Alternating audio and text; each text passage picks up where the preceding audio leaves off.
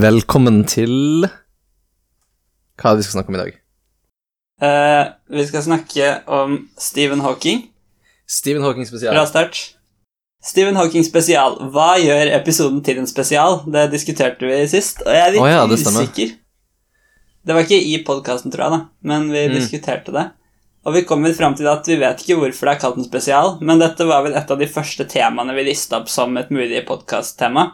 Og da bare kalte vi den Stephen Hawking spesial. Så derfor er den spesial. I motsetning til en Stephen Hawking generell. Det blir vel kanskje neste gang. Det må vi ha, da.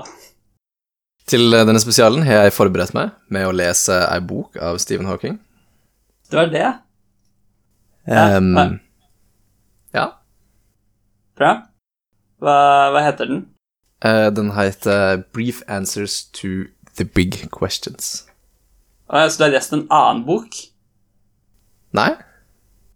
Ja, men du, du hadde en eh, lekse til i dag. Du må Ja. forberede deg. Du skulle lese den mest kjente boka antagelig til eh, Stephen Hawking, A Brief History of Time. Uh, nei, den uh, har jeg ikke. Var det ikke den du skulle lese? Nei, det var ikke det. Her har vi misforstått hverandre. Hva kalte du din bok? Eh, brief Answers to the Big Questions. Ok. Og den har du lest? den er mye nyere. Den er, jeg tror det er den siste boka han skrev. Ja. Eh, nei, det har jeg ikke. Jeg har ikke lest den. Nei. Men du har, Men jeg skulle deg, lese den. Eh, du, har for, du har forberedt deg ved å planlegge å lese den? Og utsette å lese den i to uker. Ja. Og ikke åpnet den. Men du har forberedt deg. Du, du vil trekke fokuset vekk fra deg selv? det stemmer, jeg har ikke åpnet den. Men jeg leste baksida av boka, da. Jeg har forberedt meg. Jeg har ikke lest noen bok, da. Jeg har lest eh, Wikipedia. Som er den eneste kilden jeg tar som sikker. Så hvem er Stephen Hawking? Hvorfor lager vi en episode om akkurat han, når det er En så mange mennesker og Ja, hvorfor lager vi en spesial om han, når det er så mange mennesker som vi kan lage spesialer av? Inkludert deg, Tarjei. Så uh, Ja, hvem er han? Hva er han kjent for? Um, Stephen Hawking var vel en uh, fysiker. Teoretisk fysiker. Jepp. På Wikipedia sto det liksom Han hadde tre titler. Den ene av dem var teoretisk fysiker. Ja. Har du to andre? Ok, to igjen. Um, De er relatert, da. professor. Han, han var ikke fotballspiller, liksom. Professor. Eh, nei, nei han var jo det da. Tror jeg. Forfatter var han. Ja, ok. Og så var han kosmolog. Vet du hva det er? Okay. En uh, kjenner av uh, kosmos Nei, jeg vet ikke. Hva er det for noe? Det er studiet av universet i sin helhet. Så Vi har jo diskutert tidligere hva er universet. Ja, er det, det- en del av universet? Eh, det er det jo. Så kosmologi er studien om smør og resten av universet. God, god definisjon. Han ble født i 1942. Husker du når han døde? Oi, det er et godt spørsmål. Det er ikke så veldig mange år siden, føles det ut som. Men eh, det kan jo hende at det er det. Kanskje eh, Ok, 2010, da. Det var grov bom. Venstre. Jeg vet ikke hva det vil si. Nei. Eh, Venstre. men på, på, en, på en sånn eh, tidslinje som begynner fra venstre og går mot høyre, så er det grov bom venstre, faktisk. Ja, ok, så det er ikke så lenge siden. Nei, riktig. Nei, jeg var redd for å underdrive deg. Ok, 2015, da. Nei, du nærmer deg, men du må fortsatt stille sikte mot høyre. 2018. Det er spot on. Det var veldig imponerende. Altså på første forsøk, da. Ja, men ok, Eh, det var jo ikke ikke så lenge så- siden i det hele tatt. Da, da, da var Nei. jo følelsen min riktig. Det er bare ofte når jeg føler at ting ikke er så lenge siden, så er det likevel ti år siden. Det var riktig ti år. Mm. Med mindre tiåret begynner i 2011, da. Hvordan det blir det? Det Er blir altfor dumt. Det er en definisjon, da. Jeg tror det kan diskuteres, men jeg vil si det er samme tiår. Han eh, jobbet eh, store deler av livet på universitetet i Cambridge. Og hva er mest spennende Jeg føler det er to ting man kan snakke om når man snakker om Stephen Hawking. Uh, det ene er uh, sykdommen hans, og det andre er fysikken hans. Altså, ikke Altså, begge er jo hans fysikk, da, men eh, ja, ok. Ja. Vil du snakke om den fysikken hans som bare var hans, eller den fysikken hans som hele universet måtte følge? Jeg vet ikke om jeg skjønner det spørsmålet. Um, han hadde jo en sykdom Ja. som påvirket eh, fysikken hans. Ja, sånn, ja. Og så jobbet han som teoretisk ja. fysiker den, den delen skjønner jeg. som påvirker universets Men Ja, ok. Men det er jo andre folk som har den samme sykdommen, som også påvirker deres sin fysikk. Du, blant annet. Det har vi jo ikke sagt tidligere i podkasten, at du har denne sykdommen. Det tror ikke jeg stemmer. Som for så vidt heter motonevronsykdommen amyotrofisk lateral sklerose. Den er kjip. ALS? Han ble diagnostisert da han var 21, men da visste ingen hva det var. Så det var først senere de fikk navnet. Det som den gjorde, var at eh, den gikk ut over hans motoriske evner. Og i begynnelsen så fikk han vite at han kun hadde et par år igjen å leve. Mm. Men så utviklet sykdommen seg mye saktere enn forventet, og derfor levde han da til 2018 i stedet for eh, Ja, det må ha vært sånn estimert eh, 19, eh, 1965, da. Mm. Det var er- verre bom Det var verre bom enn du hadde i stad. Men, i, men i andre retning, heldigvis, da. Um, de fleste som uh, har den sykdommen, men lever jo ikke så lenge, gjør de det? Det var på en måte bom i samme retning, for de tippet også han døde før han gjorde. Eller skulle dø, da. Ja, sånn, ja. Ja, det er sant. Men, men ja, nei, han eh, Altså, nå vet jeg ikke hvis du får det i dag, åssen det er, men på den tiden, da, de trodde han bare hadde et par år igjen da han Mm. fikk den sykdommen. Som rett og slett gradvis lammer hele han, og da vil den vel til slutt også lamme type hjerte og den type ting, antar jeg, er eh, Hmm. problemet, kanskje. Jeg er ikke helt sikker på det, men eh, det gjorde den da tydeligvis ikke. Så hadde han jo Det er ganske imponerende den teknologien han hadde for å kunne snakke og bevege seg. Mm. I hvert fall sånn i gamle dager. Nå ble han gradvis dårligere, så i begynnelsen Det tok jo mange år egentlig før han Mm. eh, ikke kunne bevege seg i det hele tatt, så å si. Eller snakke. Jeg veit ikke Ja. Vet du hvor lang tid det tok? Eh, nei, jeg har ikke noe år, men det sto vel Det ble gradvis verre over flere tiår. Mm. Eh, men det, vet du hvordan han kunne snakke? Han brukte vel enten øynene eller eller fingrene, tror jeg. Ja, jeg, jeg tror kanskje han ikke hadde noe kontroll over fingrene. Nei, ok. Var det Men, øynene? ja, men eh, noe sier meg at han hadde en sånn fjernkontroll på Nei, på, på liksom armen. Nei, men kanskje ikke. Eh, nei, i begynnelsen så var det øynene og enkelte muskler i ansiktet som Mm. han kunne så vidt bevege på og konvertere til en robotstemme. Mm. Mens til slutt så var det bare én enkelt kjevemuskel. Og det er jo ganske bra at han klarer å snakke kun ved å bevege på én muskel. Nå vet Ja. jeg ikke hvor mange muskler vi bruker når vi snakker, eller da. Ja, det er jo Det er helt utrolig at han har gjort så mye banebrytende fysikk og skrevet flere bøker Ja. på den måten. Det, ja, så kan du spørre hvor mye vi har det å si, da. Det er jo stort sett i hodet hans arbeidet må foregå, Ja, det er sant, det, men du må jo som få det tydeligvis det ut ikke er så mye vis. problemer med. Mm. Ja, det må jo ut, det. Men jeg antar han har fått noen til å til å skrive for seg når han skulle skrive boka. Jo, jo, men tenk likevel så lang tid det må ta å, Ja. artikulere det og liksom Ja, hvordan korrektur Nei, jeg vet ikke. Bare, bare å lese, tenker jeg, da, for du må jo lese en del for å kunne tenke i det hele tatt. Det er sant. Eh, Det, ja, det virker ikke så lett. Han må jo ha hatt en måte å styre datamaskinen datamaskin på, i alle fall. Ja, det er et godt poeng.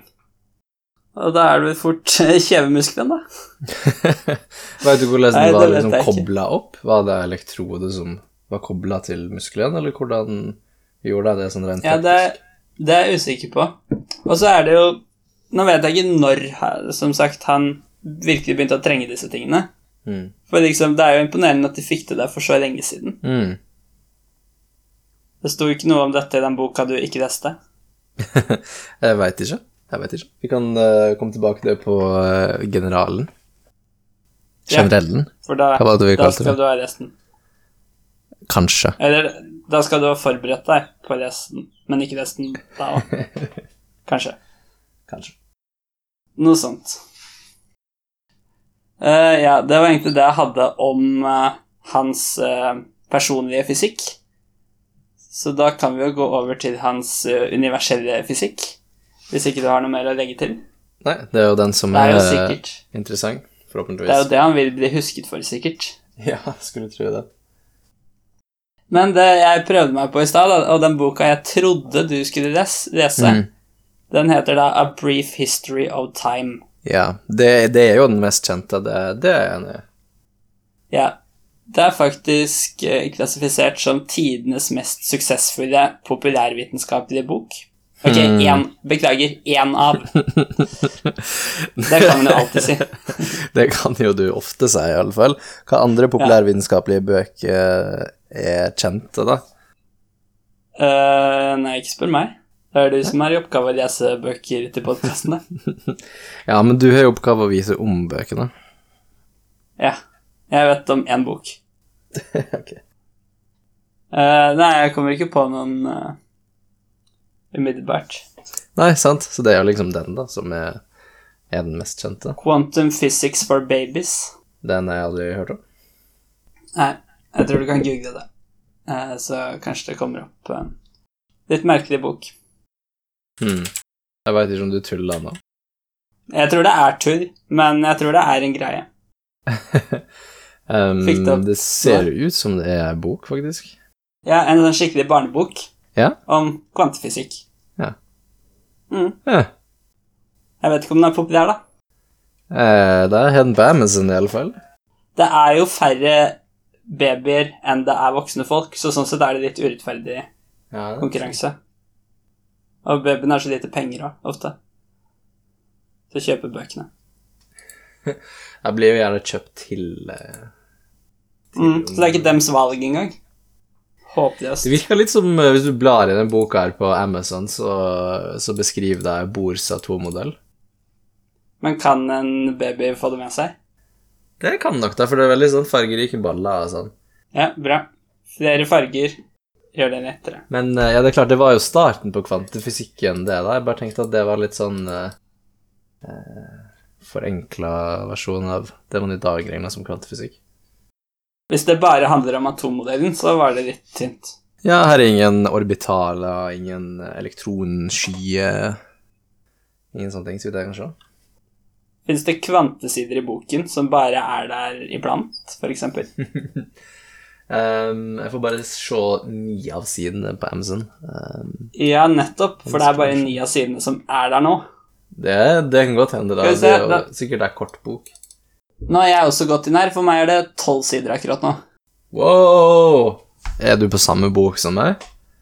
Ja. Nei, jeg, bare, jeg har ikke åpna den engang. Ah, din løgner. Uh, men det er ikke en løgn hvis du avslører det innen ett minutt. Det er min nye påstand. Kjent som er det, det, er det, tull, i stedet for løgn. Mm. Nonsens, mener jeg. uh, men, men i hvert fall, A Brief History of Time da, har solgt eh, ti millioner eksemplarer.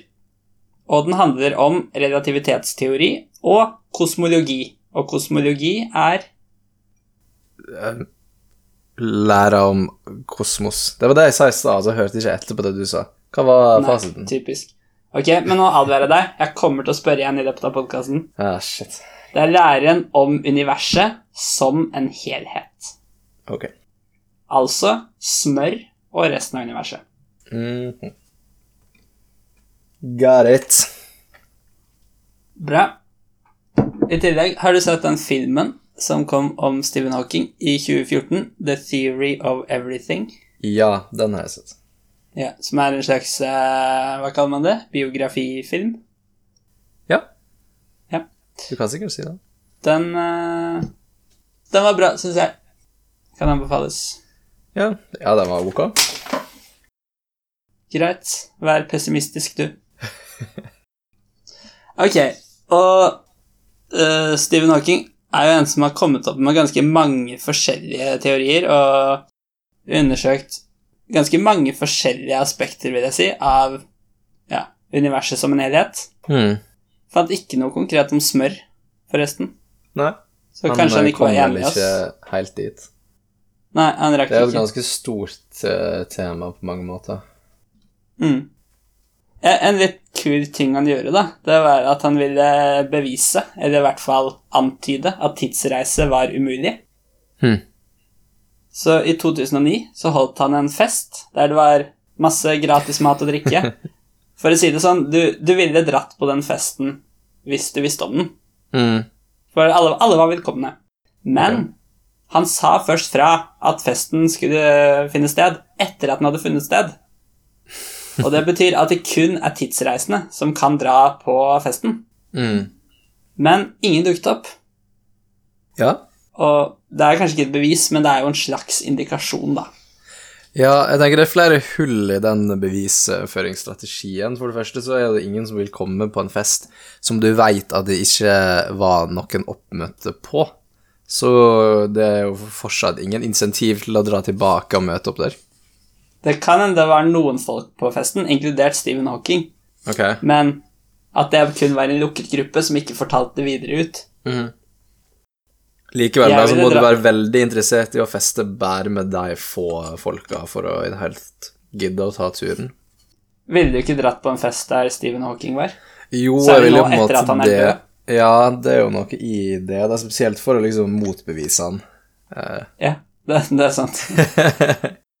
Kanskje noen gjorde det, det, og så tok Stephen Hawking og kidnappet dem, sånn at uh, teorien hans skulle holde tett. Det er bare sånn Så, murder så med andre ord, jeg hadde ikke turt å dra på festen hans. Det er jo livsfarlig. det er faktisk et veldig godt poeng. Hm. Ok, men det andre, andre hullet i teorien er jo at det her er jo kanskje da den første tidslinja, og tidsreise er ikke blitt funnet opp enda, men at i framtida man likevel kan reise tilbake, da. Hva, hva sa han om det? Han må jo ha tatt i betraktning den muligheten. Men kan en ikke reise helt tilbake til 2009, da? Da ville det jo ha skjedd da han var der. Eller mener du at det er en slags parallell tidslinje? Ja, jeg tenker jo en slags parallell tidslinjeforståelse da, ja. det, det kan jo være, men da, det var vel ikke den type tidsreise han motbeviste, da. Mm, ok. Det, det gir jo uansett ikke noe mening, for hvis det hadde kommet noen, så kunne han jo latt være å si fra om festen, og da hadde det jo blitt et uh, paradoks. Ja. Men jeg tror, vi faktisk, jeg tror faktisk vi snakka noe sånt på vår Paradox-podkast. Hmm. Alt går i ring. Inkludert tida. Uh, oi. Ja. Eller var det det vi nettopp motbeviste at den gjorde? Det var kanskje ikke vi så mye som det var Stephen Hawking. Vi Men, sier eh, vi. Vi kan ta, vi kan ta det. vi. Vi kan ta det. Hvem skal stoppe oss? Ja. Eh, Det han kanskje er aller mest kjent for, da, det er det som heter Hawking radiation. Har du hørt om det? Ja, det er jo på en måte den eneste tingen jeg uh, veit om eh, det han har teorisert, da. Ja. Uh, klarer du å formulere det? Ok, så eh, tanken er at eh, svarte hull um, stråler på et vis som gjør at de mister masse. Og jeg vet ikke om liksom teoriseringa kom først, eller, eller om det i det hele tatt har blitt målt. Men, uh, Ja, det er jeg Men- usikker på. men teoriseringa er i hvert fall noe sånn som at det oppstår til enhver tid uh, uh, Jeg vet ikke hva type partikler det er snakk om, men det er noe sånn som materie og antimaterie.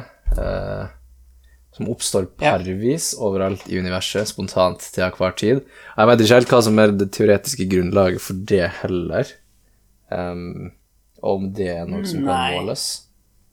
Men uh, tanken er iallfall at de oppstår hele tida spontant, og de mm, kolliderer og annihilerer hverandre også.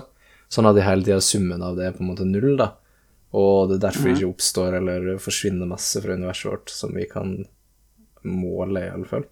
Mens eh, i nærheten av svarte hull, da, og spesielt akkurat i eh, det som kalles event horizonen, som er den eh, eh, Skal vi si liksom avstanden til det svarte hullet, der der banefarta er Fordi alt som går i bane, det gjelder jo også rundt jorda, da, så er, så er banefarta du må ha for å holde deg i bane uten å enten falle nedover eller spinne av gårde utover, den er gitt av avstanden din til, eh, til legemet. Er du med på den? Ja. Og Um, styrke på gravitasjonen. Å, ja, selvfølgelig, men den er, jo, den er jo konstant, da. Um, så det betyr at det betyr at det er liksom en slags sfære rundt svarte hull, da, som er uh, det de kaller event horizon, som er den uh, nøyaktig den avstanden du kan holde um, Eller det er vel der at banefarta der er lik uh, escape velocityen, som betyr at uh, det går ikke an å flykte fra den bana. Nei, det er det, nå er det mye fancy begreper slengt rundt hverandre. Du, du er absolutt inne på noe, da. Det er i alle fall det som, det er det som ser ut fra utsida som på en måte kanten på det svarte hullet. Det er der det er svart. Eh, det er fordi lys ikke kan escape. Ja, ikke sant? Det er det som er event horizon, at uh, lyshastigheten er lik banefarta, så det går ikke an å eh, ha en høyere hastighet enn lys eh, enn banefarta, og derfor klarer ikke du å komme deg ut derifra. Riktig. Så det er det som er poenget her, da, at disse partiklene oppstår i liksom skillet da, mellom å kunne klare å eh, escape og å ikke klare det. Og helst da i en sånn konfigurasjon at um, at materiepartikkelen er på en måte høgst oppe, lengst unna det svarte hullet, og antimateriepartikkelen er rett under den event horizonen, da. Og, um, og da vil ikke de klare å kollidere igjen, fordi den vanlige partikkelen vil um, vil kunne klare å holde bana og kanskje fare litt utover, mens antimateriepartikkelen vil ikke klare det, og vil sakte, men sikkert falle lenger og lenger inn i det svarte hullet.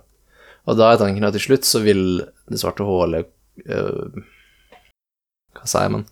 Absorbere den antima- antimateriepartikkelen. Og det vil gjøre at hullet minsker i masse, istedenfor å øke i masse, som det vanligvis gjør, fordi det er en antimateriepartikkel. Og da vil tyngdekrafta også være tilsvarende litt lavere, som nå gjør at um, den vanlige partikkelen klarer å, å escape. Og på den måten så er det svarte hullet minska i masse, og universet har fått tilsvarende like masse, eller tilsvarende mer masse, som er den vanlige partikkelen som har escapa fra det svarte hullet. Ja, her tror jeg det er en god blanding av riktig og feil. Nei, Jeg vil, eh, jeg, vil, jeg, vil, jeg vil korrigere litt på det, for jeg innser jo at det jeg surrer med med Event Horizonen og lyshastigheten, gjelder jo ikke. Det her er jo mer snakk om um, en tilsvarende på en måte skall da, rundt det svarte hullet, som er lenger ute, vil jeg tro, som tilsvarer den farta partiklene har, som sikkert er lavere enn lyshastigheten. Men det er samme ideen, da, den ene vil klare å stikke av, og den andre vil ikke det. Uh, Gjør det mening? Ja. Uh, ja, du er absolutt inne på det. Bra. Uh, det er et par ting jeg tror jeg vil kommentere. Ja. Det ene er at du sa at eh, Du sa at uh, altså banefarten, den farten du må ha for å verken falle innover eller utover, Mm. er lik unnslipningsfarten ved et.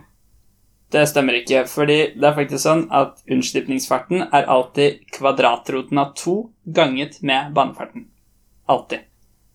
Altså, Mm, hvis du ganger banefarten med sånn ca. 1,4, så får du unnslipningsfarten. Og jeg antar da at en eh, event horizon, det er jeg ikke helt sikker på det, er Mm. Der eh, unnslipningsfarten er lik lysets hastighet. For det betyr at Ja. selv ikke lyset kan stikke av når det er kommet innenfor der. Ikke sant? Det gir mening. Eh, og dermed kan jo da i prinsippet ingenting unnslippe. Mm. Og sånn, et vanlig sort hull vil jo bare trekke til seg mer og mer masse, i hvert fall i begynnelsen, fordi det, det får inn veldig mye masse. Mens denne Hawking radiationen er en ganske liten effekt. Men hvis et sort hull slutter å få noe som helst tilføring, da vil det begynne å forsvinne gjennom denne Hawking radiation-effekten. Mm. Og som du sier, ja, det skjer ved at det dannes et partikkel-antipartikkelpar helt på event horizon. Eh, og de dannes av energi. Det bare skjer iblant. På samme måte, hvis disse partiklene kolliderer igjen, så vil de bli gjort tilbake til energi. Så det mm. gjøres om fra energi til masse, og masse til energi. Mm. Og det spiller ingen rolle hvilken av partiklene som da For de vil ikke dannes på nøyaktig samme sted, antar jeg er Mm, prinsippet mm. her, da. De vil dannes cirka rundt et nullpunkt, på en måte, der den da tar energien fra. Ja, ja. Og det betyr jo at en viss andel, en veldig liten andel, men en liten andel partikler dannes sånn at en av partiklene er innafor uh, event horizon, og den andre er utafor. Og hvis da partiklene har nok fart, så vil den utafor kunne stikke av. Mm. Og da forsvant jo energi, til tross av at energien egentlig var på innsiden av Event Horizon, og sånn sett ikke kunne stikke av. Så, så trikset var egentlig at da energien ble gjort om til masse Dette er for så vidt kvantefysikk. Så flyttet partiklene seg litt lenger ut, mot at den andre flyttet seg litt lenger inn. Mm. Eh, men det er, som sagt, det er ikke noe å si hvilken av partiklene som er hvor, fordi begge partiklene har masse, så hvis en av partiklene stikker av, så vil det sorte hullet miste masse. Men eh, jeg skjønte sånn at eh, hvis vi ser for oss at jeg går i bane da, rundt det svarte hullet, så hvis den vanlige partikkelen faller inn, så vil Ja. eh, det svarte hullet øke i masse tilsvarende med, eh, med den partikkelen, som nå gjør at banefarta som den antipartikkelen har, er for lav til å holde bana si, og på den måten vil den da falle inn i eh, det svarte hullet. Og, Mhm. og når antipartikkelen eh, faller inn, så vil, til, så, så, vil ikke, så vil ikke det øke i masse. Det svarte hullet vil minske i masse med den eh, antimassen. Og da er vi tilbake til null igjen, da. Jeg lurer på masse er litt dårlige ord, om det er bedre å bruke materie.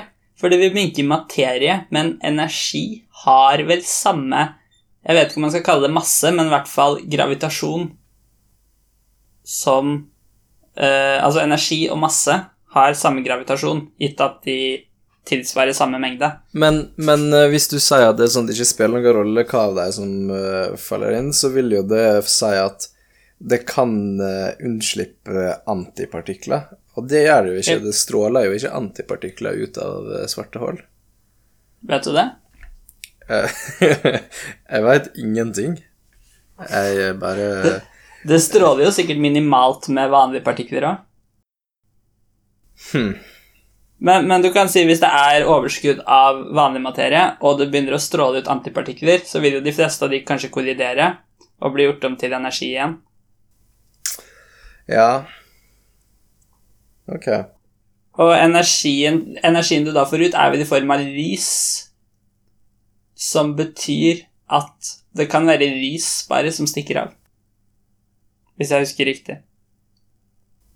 Men så poenget er at selv om det faller en antipartikkel inn i det sorte hullet, og den krasjer med ekte materie og blir gjort om til energi, så vil fortsatt den energien være fanget inni det sorte hullet, Ja, ok. Mm. tror jeg er poenget. Nå er ikke jeg noen ekspert på dette heller. Vi får ringe Hawking.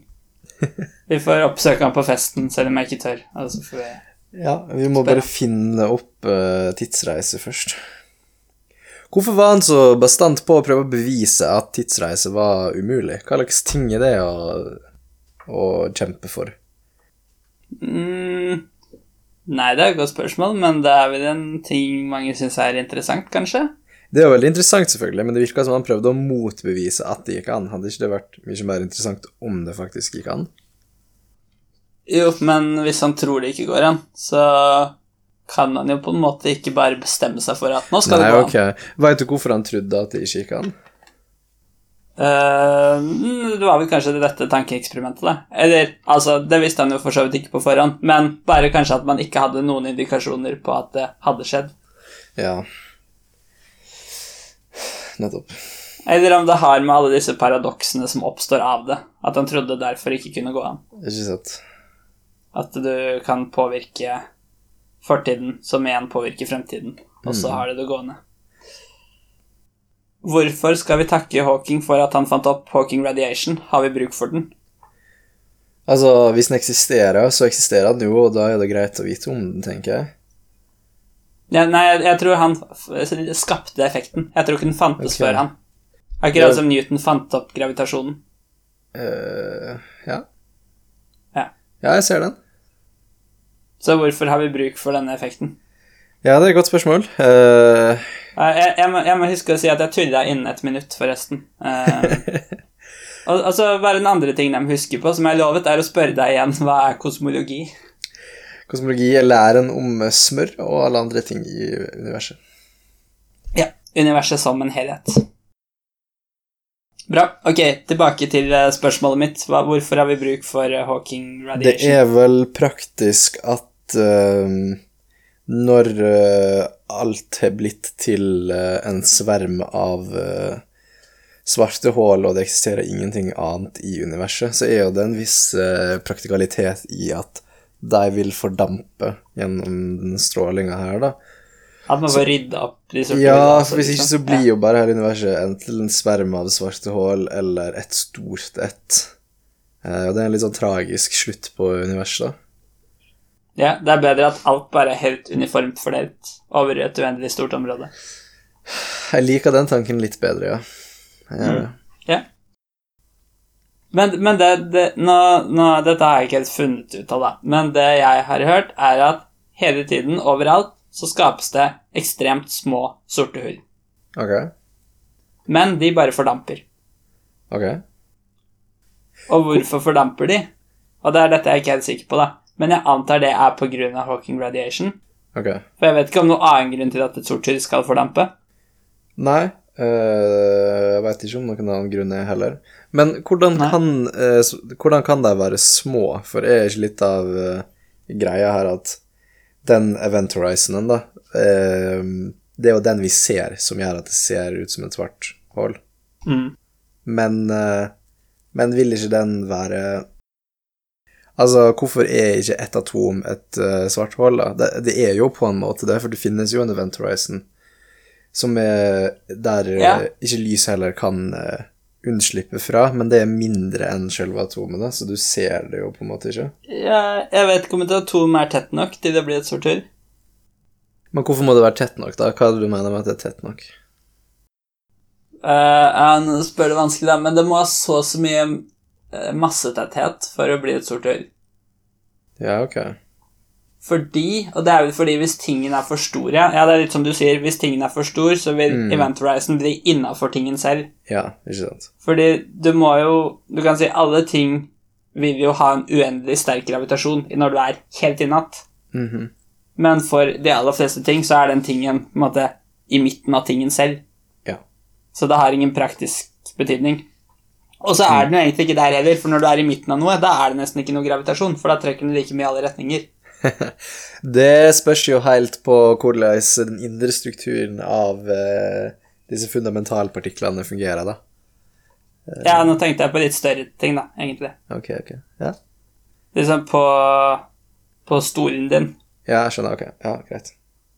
som er en dårlig ting, for den har jo ikke noe sånn naturlig sentrum. På en appelsin, da. ok. Ja. Men så hvis tingen kan bli veldig liten, men beholde massen sin, da vil jo etter hvert denne event horizonen gå på utsiden av tingen Ja. selv. Nettopp. Men jeg vil jo da anta at hvis ikke de veldig små sorte hullene fordamper Nå vet jeg ikke hvorfor de oppstår, i hvilken skala dette er. Er dette liksom på kvarknivå, som da er på en måte to nivåer under atomer igjen? Det er jo atomer som består av protoner Mhm. og nøytroner, og elektroner, da, men i hvert fall protonene og nøytronene er jo igjen bygd opp av kverker. Mm. Jeg vet ikke om det er der nede, kanskje det er enda lavere nivå, kanskje det er høyere nivå, jeg vet ikke. Men kanskje, hvis det ikke var for Hawking radiation, at det ikke hadde fordampet. Nei. Og da hadde jo bare alt blitt slukt av sorte hull hele tiden, hvis de hadde Ja. fått lov å vokse seg større. Nett. Men nå er jeg litt ute på tynn is. Men hvorfor oppstår disse små svarte hullene? Hva er det som eh, Er det eh, en liten gruppe atom som blir veldig kompakte? Hvordan skjer det? Det høres jo eh, veldig vanskelig Hvorfor skjer det? Det er det jeg ikke vet, og det var det jeg Mm. prøvde å si nå, at jeg vet ikke om det liksom skjer på kvarknivå, at det er så små Ah, ja, ting sånn, som, ja. ja der det skjer. Jeg vil ikke tro det er atomer. Jeg tror ikke de er tette nok. Nei, nettopp. For det som skjer i en uh, Når en stjerne dør, så kan den bli til tre forskjellige ting. Det kan bli til en i hvert fall sånn, Det kan, kan bli mer, men tre vanlige ting, da. Eh, hvit dverg, eh, nøytronstjerne og sort hull. Ok. Og de minste stjernene blir til hvite dverger. Mm. Der tror jeg vel på en måte atomstrukturen fortsatt er på plass. De blir ganske små. Det blir Mm. nesten til diamanter, tror jeg. Ja, nettopp. Eh, Men jeg tror på en måte atomene er bevart. Mm. Eh, Fordi altså, det, det blir ikke så kompakt at massetettheten og gravitasjonen blir så sterk at den klarer å ødelegge selve atomene. Mm. Mens i en nøytronstjerne De tror jeg er navnet sitt ved at eh, nøytronene eh, på en måte, Strukturen i atomet kollapser, da, så det blir bare en Mm. haug av Antar da også protoner og nøytroner, men jeg er ikke helt sikker. Mm. Men sorthull er bare enda videre, da, og at kriteriet for at det er et sorthull, er at de får en event horizon, som jeg da antar må være utenfor legemet selv. Mm. Blir det en slags kvarksuppe, det, da? En Det kan du sikkert si. Ja. Eller vi må gå inn og sjekke, da. Ja, det er litt sånn enveistur, da. Ja, det vet vi jo ikke før vi har prøvd. Jo, jeg tror, Men hvis jeg, tror vi vet jeg, jeg, kan ha, jeg kan ha tau, og så kan jeg dra deg tilbake igjen. Ja, det er sånn det funker. ja. Nå får du en kvarksuppe ut igjen, da. Det høres litt godt ut. Det er jo på mange måter det man spiser hver gang man spiser suppe. Det er jo til slutt det der, stort sett. Men elektron er jo ikke et kvark. Det er jo en egen Nei. eh, grunnleggende partikkel.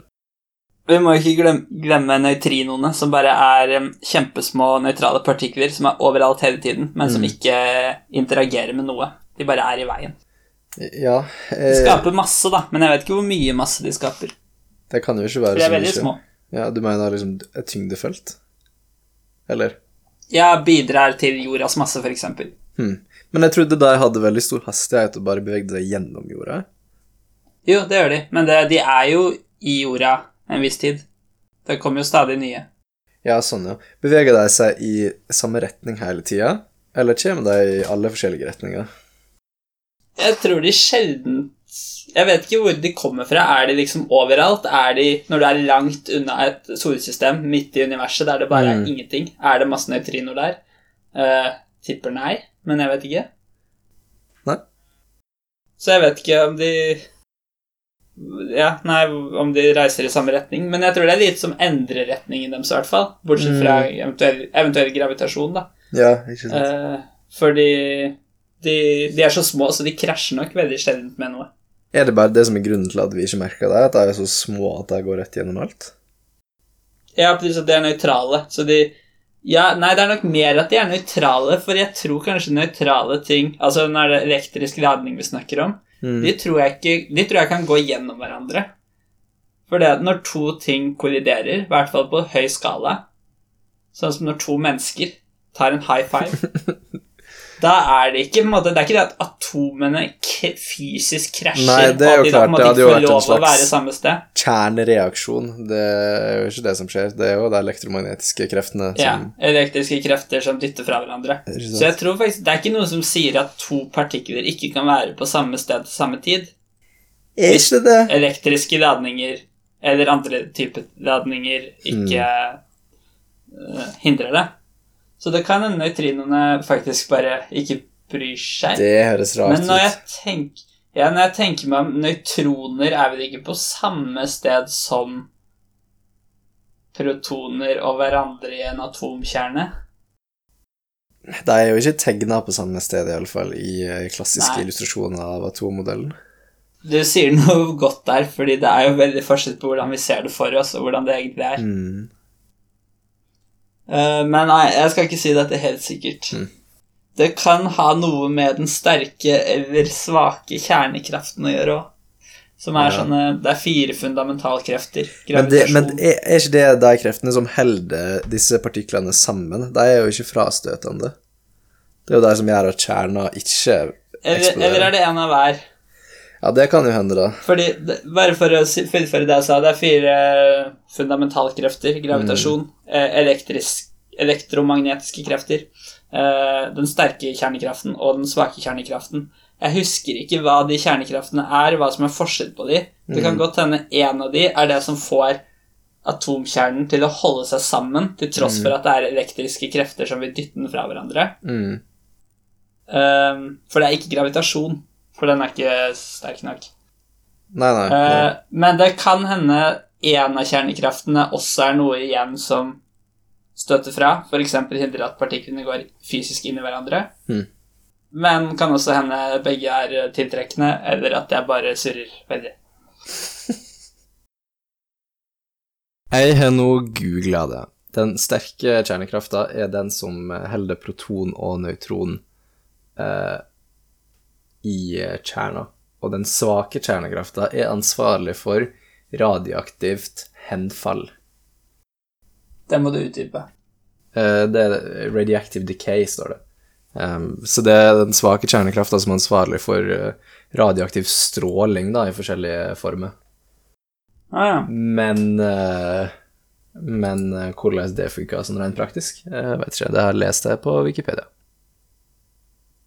Neutrino interaction induces beta decay. Betastråling er vel elektron, kanskje, som blir utstøtt? Mm, det stemmer. Tydeligvis blir forårsaka av uh, neutrinoene. Hm. Interessant. Å ja.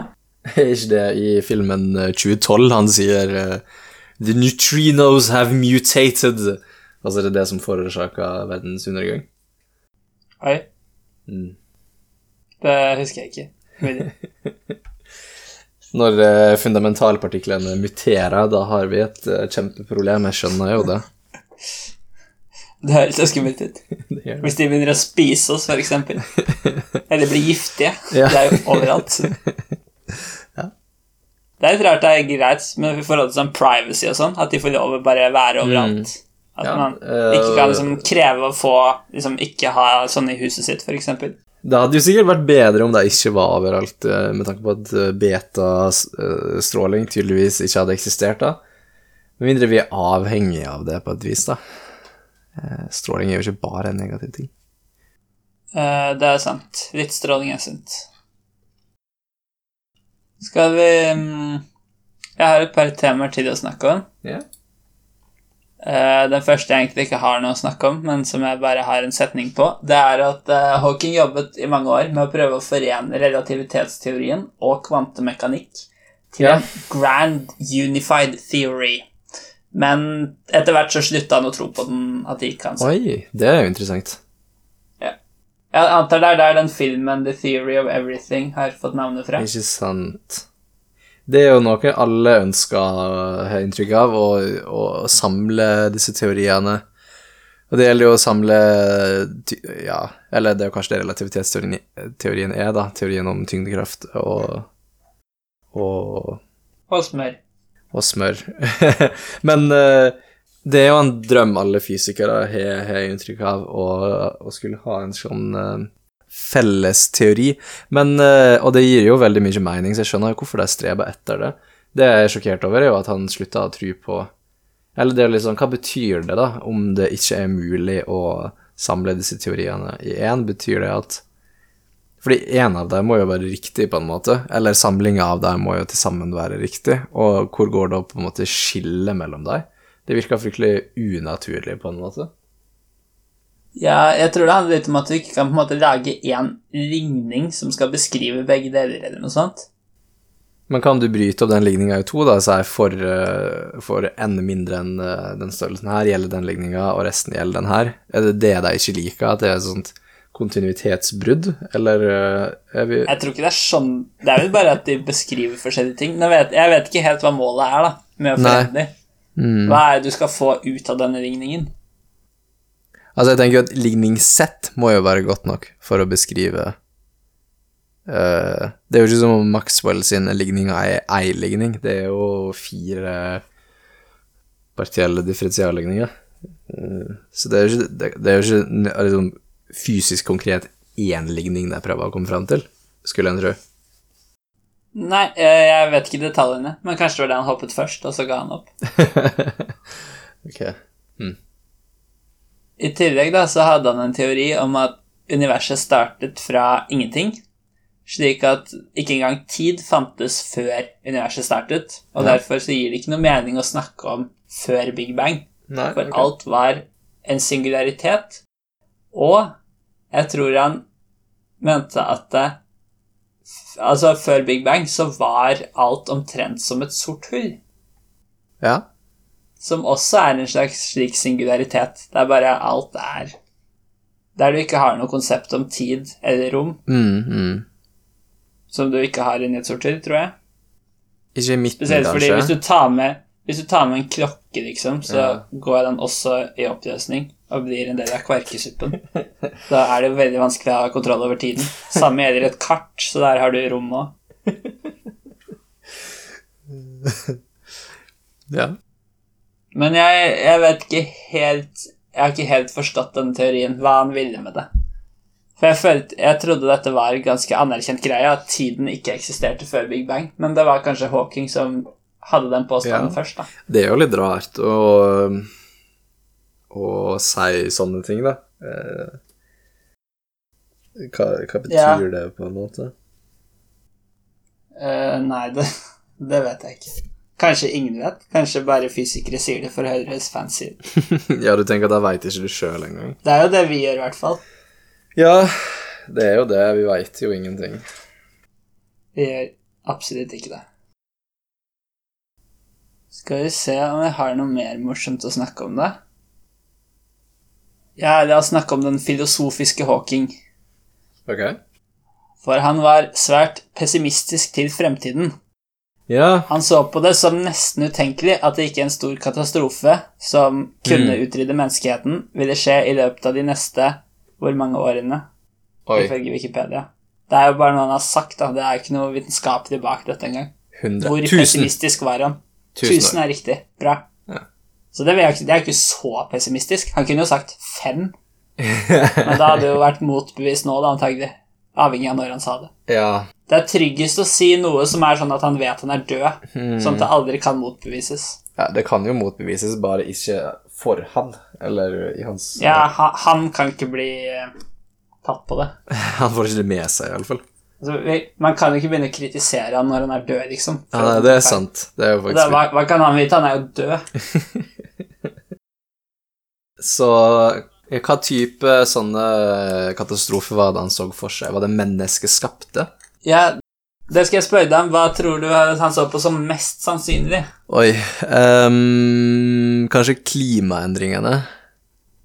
Eh, nei, det, det er på en måte mer dramatisk. Er, Mer dramatisk Ok, atomkrig, da. eh, nei, jeg tror han nevnte det, men det er ikke det han så på som mest sannsynlig. Eh, kunstig intelligens. det er mindre menneskeskilt.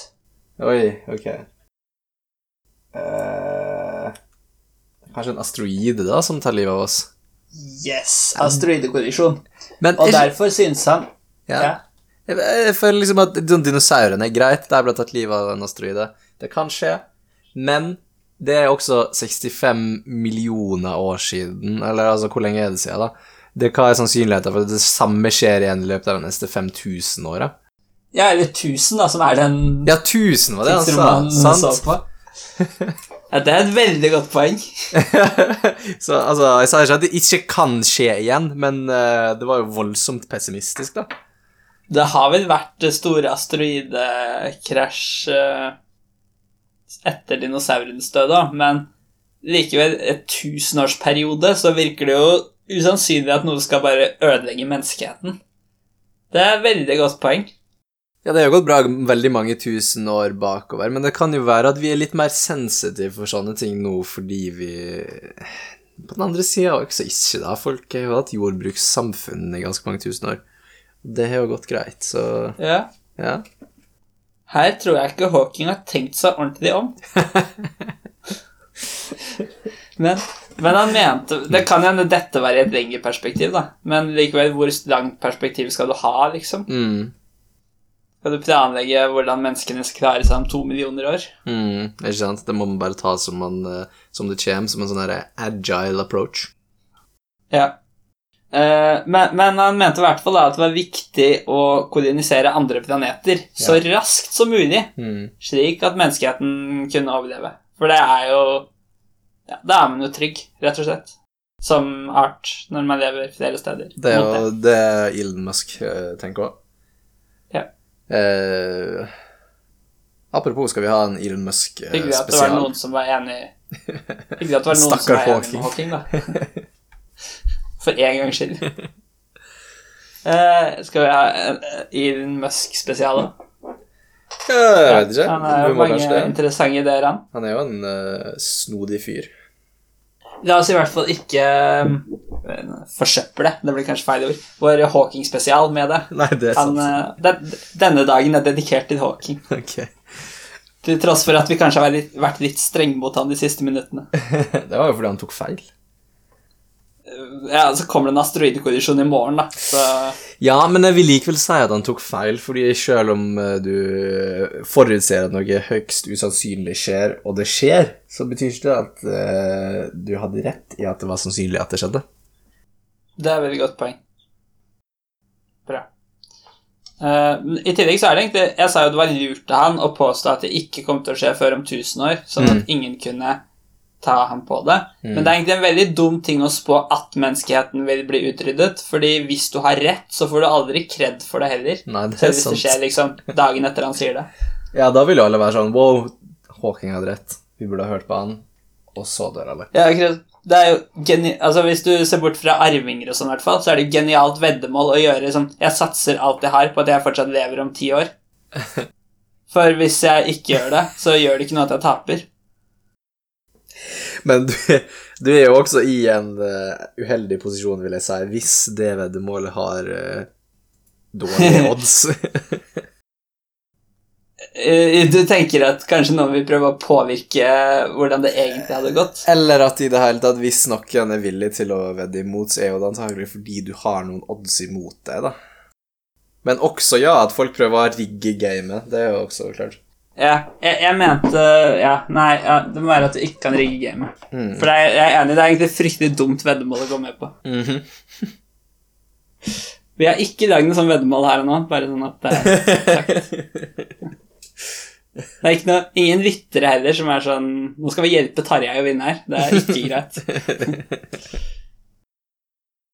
Men, eh, ja, i tillegg, han var jo ikke bare pessimistisk til asteroidekollisjoner. Han trodde det fantes aliens, men at vi ikke burde kontakte dem. Ja, For da, stemmer, ja. da ble det som Altså i hvert fall hvis de var um, mer intelligente enn oss, da, Mm. så ville de kanskje behandle oss sånn som vi behandler maur. Det er ikke det at vi liksom aktivt skal være slemme mot dem, men vi bryr oss veldig lite om hvordan det går med dem. Mm, nettopp. Ja, det er jo en uh, legitim frykt. Jeg har jo også hørt han eh, snakke om uh, hvordan europeerne behandla indianerne og de andre innfødte på det amerikanske kontinentet. Kanskje det var det han Det, det, det har jeg også hørt. Kanskje jeg bare fant på det med maur selv nå, eller jeg hørte det fra noe annet. For jeg husker, når jeg husker jeg leste om det, at det var indianerne han sammenligna med, eller om det var begge deler. Ja. Det er i så fall veldig dårlig gjort, da. Sammenligne indianere med maur. Av deg, ja? Hæ, av meg? Ja, det var du som fant det på. Ja, n- ja, kanskje. Eller så var det han. Vi får dele skylda. Uh, du og Hawking. Det var i hvert fall jeg som eksplisitt sa at det var det vi gjorde. Det var det. Det må jo være lov å komme opp med flere sammenligninger av ting uten å, Uten å sammenligne deg sammen... Nei, det spørs jo om sammenligning... sammenligningene. Det spørs jo om sammenligninga har en sånn transitiv egenskap. I stad så sammenlignet jeg en slags eh, ja, sort hull, eller i hvert fall et slags legeme, som en appelsin. Ja. Hvis jeg også sammenligner det med en eh, Hva var det andre jeg sa? En stor? Ja. Så sammenligner jeg da en appelsin med en stor? Ja, det er jo kanskje et poeng okay. at uh, sammenligning uh, er jo ikke at ting er like, så du mister jo noe i sammenligninga nesten per definisjon av hva det vil si å sammenligne. Så det gir jo mening at dess lenger ut du kommer, eh, så mister du mer og mer, og sammenligninga blir mindre og mindre gyldig dess flere sammenligningssteg du har imellom. Ja Men når jeg sammenligner mennesker med maur, og så europeere med indianere Ja. Jeg føler ikke det er å sammenligne maur med indianere og Nei. europeere med mennesker. Jeg er enig, fordi det er liksom to, eh, to steg av eh, loss i eh, sammenligningen. Det blir bare at det relative steget mellom en maur og et menneske er, er ca. lik steget mellom en europeer og en indianer. Ja, det var jo på en måte det du sa, da. Ja. Jo, men det betyr Det kan hende at eh, Om jeg tenker her Det kan hende Hvis vi antar, da um, Indianere er mye mer verdt enn maur. Selv om jeg vet at det er veldig vondt for mauren å høre. Ja. Da må også eh, europeere være veldig mye mer verdt enn mennesker. Blir ikke det andre veien? Nei, det blir ikke det. Europeere er mer verdt enn mennesker. Ja, jeg ser det. Ja, men det er jeg helt enig i. Det stemmer jo på mange måter. Så du er jo inne på noe nå. Så det, så vi endte opp med å si nå, er at eh, europeere er veldig mye verdt i forhold til et gjennomsnittlig menneske. Det er en sjuk konklusjon å komme til. Jeg vet ikke om det er bedre eller verre enn å sammenligne de andre med maur. Jeg tror det er nøyaktig det samme, da. Det er det vi kom fram til. Ja. Det er det samme. Men det, dette, dette er Hawking sine ord, bare så det er sagt. Så jeg syns neste gang fortjener en spesial mer, jeg. Nei, for en fyr. Nå er det bare re Resten av podkasten nå, så er det en eh, Stephen Hawking-episode. Men- I tillegg, da, så ja. Hva skulle du si? Vær så god. Nei. Hadde du noe mer om temaet? Ja. Eh, det sier jo litt da at, uh, at europeerne behandla indianerne som de gjorde når de i det minste var av samme art og liksom hadde en slags uh, slekt. Selv om det er langt tilbake, selvfølgelig. Mens romvesen vil jo antagelig ikke ha det med oss i det hele tatt. Det spørs jo litt om livet har oppstått separat uh, to ganger eller ikke. Der, derfor er egentlig min maursammenligning mye bedre. Den er bedre, og det blir liksom enda min, verre, da, for vi er jo i slekt med mauren også. Men vi vil jo virkelig ikke Ja, være i jo, slekt men med mindre, da. Mindre, ja, absolutt. I tillegg så så han på kunstig intelligens som veldig viktig, og sa det kunne bli det største eventet i menneskers historie å få til en bra generell kunstig intelligens, Ja. men at det også kunne bli den siste hvis man ikke lærte å unngå risikoene, som han sa. Ikke sant, så det var Han var pessimist på, på AI også. Ja, han var begge deler, da, vil jeg si. Mm. Han så på det som veldig viktig, Mm. og at det kunne være det, måte, det største mennesker har skapt. Ja, det er jo litt spennende, da. Mm. Men jeg er usikker på hva han mener med Vi må lære å unngå risikoene. Det høres vagt ut. Det er jo nettopp det som er problemet, da, at vi veit ikke helt hva risikoene er. Eller vi veit jo litt hva det er, men vi veit ikke hvordan vi skal unngå det. Jeg tror vi må lage en AI som kan tenke på dette for oss. Mm. Hvordan vi skal unngå risikoene. Eh, Den AI-en må være fryktelig smart, da, sånn at den kan ta hensyn til alle risikoene. Nettopp. Det her er jo litt Mer sånn smarte, eh, mer smarte enn oss. Vi lager den først. Ja. Den AI-en som er så smart at den er mye smartere enn alle oss til sammen, og som er helt fri. Og så ber vi den finne ut av risikoene. Og så kan vi lage robotstøvsugere og sånn. Hvorfor trenger vi generell kunstig intelligens i robotstøvsugeren vår, da? Nei, jeg tenkte bare kunstig intelligens generelt. Ikke generell kunstig intelligens, altså, men kunstig intelligens Nei. generelt. Generelt. Ikke kunstig intelligens spesial. Det kan vi også ha. Det kan vi også. Veldig bra. Eller kanskje bare episode. Mm. Eller, generell kunstig intelligens spesial. Eller en spesiell kunstig en, Ja. en spesial om generell kunstig intelligens. Det er det vi skal ha. ja, det var det jeg mente. Riktig. Men vi kan også ha en generell om spesialkunstig intelligens. Hva er spesial kunstig intelligens, da? Er det som en sjakkmotor? Det er for, for eksempel Eller en robotstøvsuger. Mm, Det må jo være det. ja, eh, ok. Er du skeptisk? Jeg er skeptisk til at robotstøvsugere er særlig smarte. Men det er kunstig intelligens. Det er kunstig intelligens på samme måten som at en termostat er kunstig intelligens. Altså, ingen vet hvordan man definerer kunstig intelligens. Jeg har studert i to år, og jeg vet, jeg kan ikke gi en definisjon på temaet. Altså, fulgte du med i det hele tatt? Var du i eneste forelesning? Ja, jeg har fulgt med at eh, alle sier det er ingen god måte å definere kunstig intelligens på. Du har et problem når foreleseren din i faget sier det om sitt eget fag.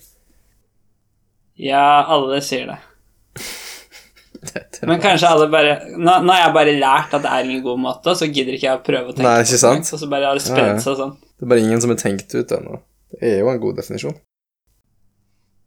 Uh, Men min aller siste setning uh, i dag, altså på notatene, det kan hende jeg kan si noe mer, det er at Stephen Hawking han så på datavirus som en ny livsform.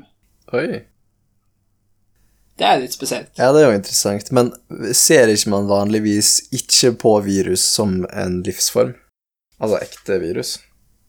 Ja, det vet jeg ikke, og så er det også en egen sak hva Hawking så på det som. Ja, nettopp. Kanskje han mm, ok. Han har jo tatt fryktelig mye feil nå da siste kvarteret.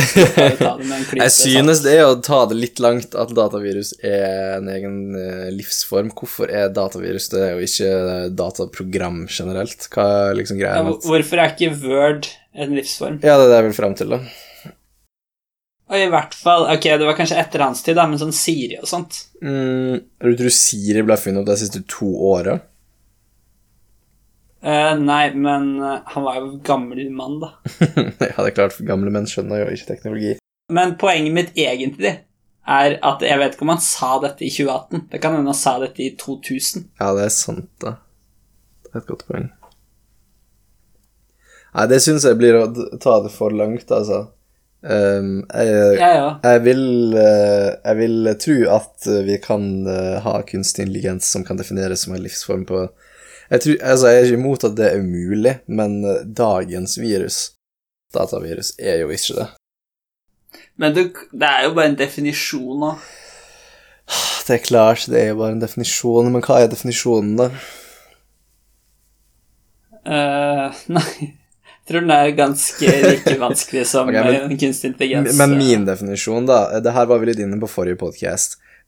Ja. Livsform er Det er noe sånn som den uh, filosofiske ideen om at du kan spørre hvordan er det å være den tingen. datavirus. Sant? Den må ha en, en slags subjektiv opplevelse, da. Og det er jo derfor jeg eh, argumenterte sist for at tre eh, og plante ikke er en livsform. Jeg er ikke sikker på om du var sist. Kanskje det var sist. Eller så var det to ganger siden. Jeg har i alle fall uttrykt eh, det argumentet tidligere. Mm. Og jeg står ved det! Bra. Akkurat som Stephen Hawking sto ved sin påstand om at en asteroide kommer til å treffe jorda innen 1000 år, før noen prikka han på skuldra, som han kanskje var lam i, jeg vet ikke, eh, og sa Du, det har ikke skjedd på 65 millioner år. Han sto ved det. Ja, han satt kanskje ved det. Akkurat som da det kom tidsreisende på festen hans, og han måtte kidnappe dem, men han sto ved påstanden sin om at det ikke gikk an. Han var så veldig sånn vitenskapelig retta, han fyren her, var han vel? Ikke på de påstandene jeg har sagt på slutten her nå, tror jeg. Nei? Da er det, virker det, da er det liksom bare synspunkter, og så hører folk på han fordi han er smart på andre ting, Ja, kanskje. Det er jo et litt sånn generelt problem at det at du er kjent for noe, gjør at du skal At folk hører på deg. Ja, uansett hva du snakker om. På andre temaer Ja. og sånn. Liksom politikere som basically er flinke til å holde taler, skal, på, skal snakke om Dette bør vi gjøre. Og også liksom, TV-kjendiser og sånn. Ja, ja, ja, herregud. Det var jo der den eh, antivaksinebevegelsen starta fra. Det var jo en eh, skuespiller som snakka ut ræva si om uh, random ting. Ja. Så dette har Stephen Hawking benyttet seg også på det groveste. Men han var jo i hvert fall litt innafor uh, temaet som han uh, kan påse å mene noe om, da. ja. Det, det er fordelen med å studere universet som en helhet. Ja, det er faktisk et godt poeng. uh, huh. Du sier noe der, altså, fordi han eh, har jo egentlig ikke noe han skulle sagt om eh, kunstig intelligens, f.eks. når han er fysiker, da. Det er jo et helt annet fagfelt, det. Ja, det er sant. Men klart det er jo i universet, det også. Og så sier han jo bare ting som er helt åpenbart. Det er veldig mange muligheter, men det kan være farlig. Det jeg føler jeg litt eh, går igjen i mange av tingene han har sagt. Enten så blir det sånn, Ja. eller så blir det ikke sånn. ja.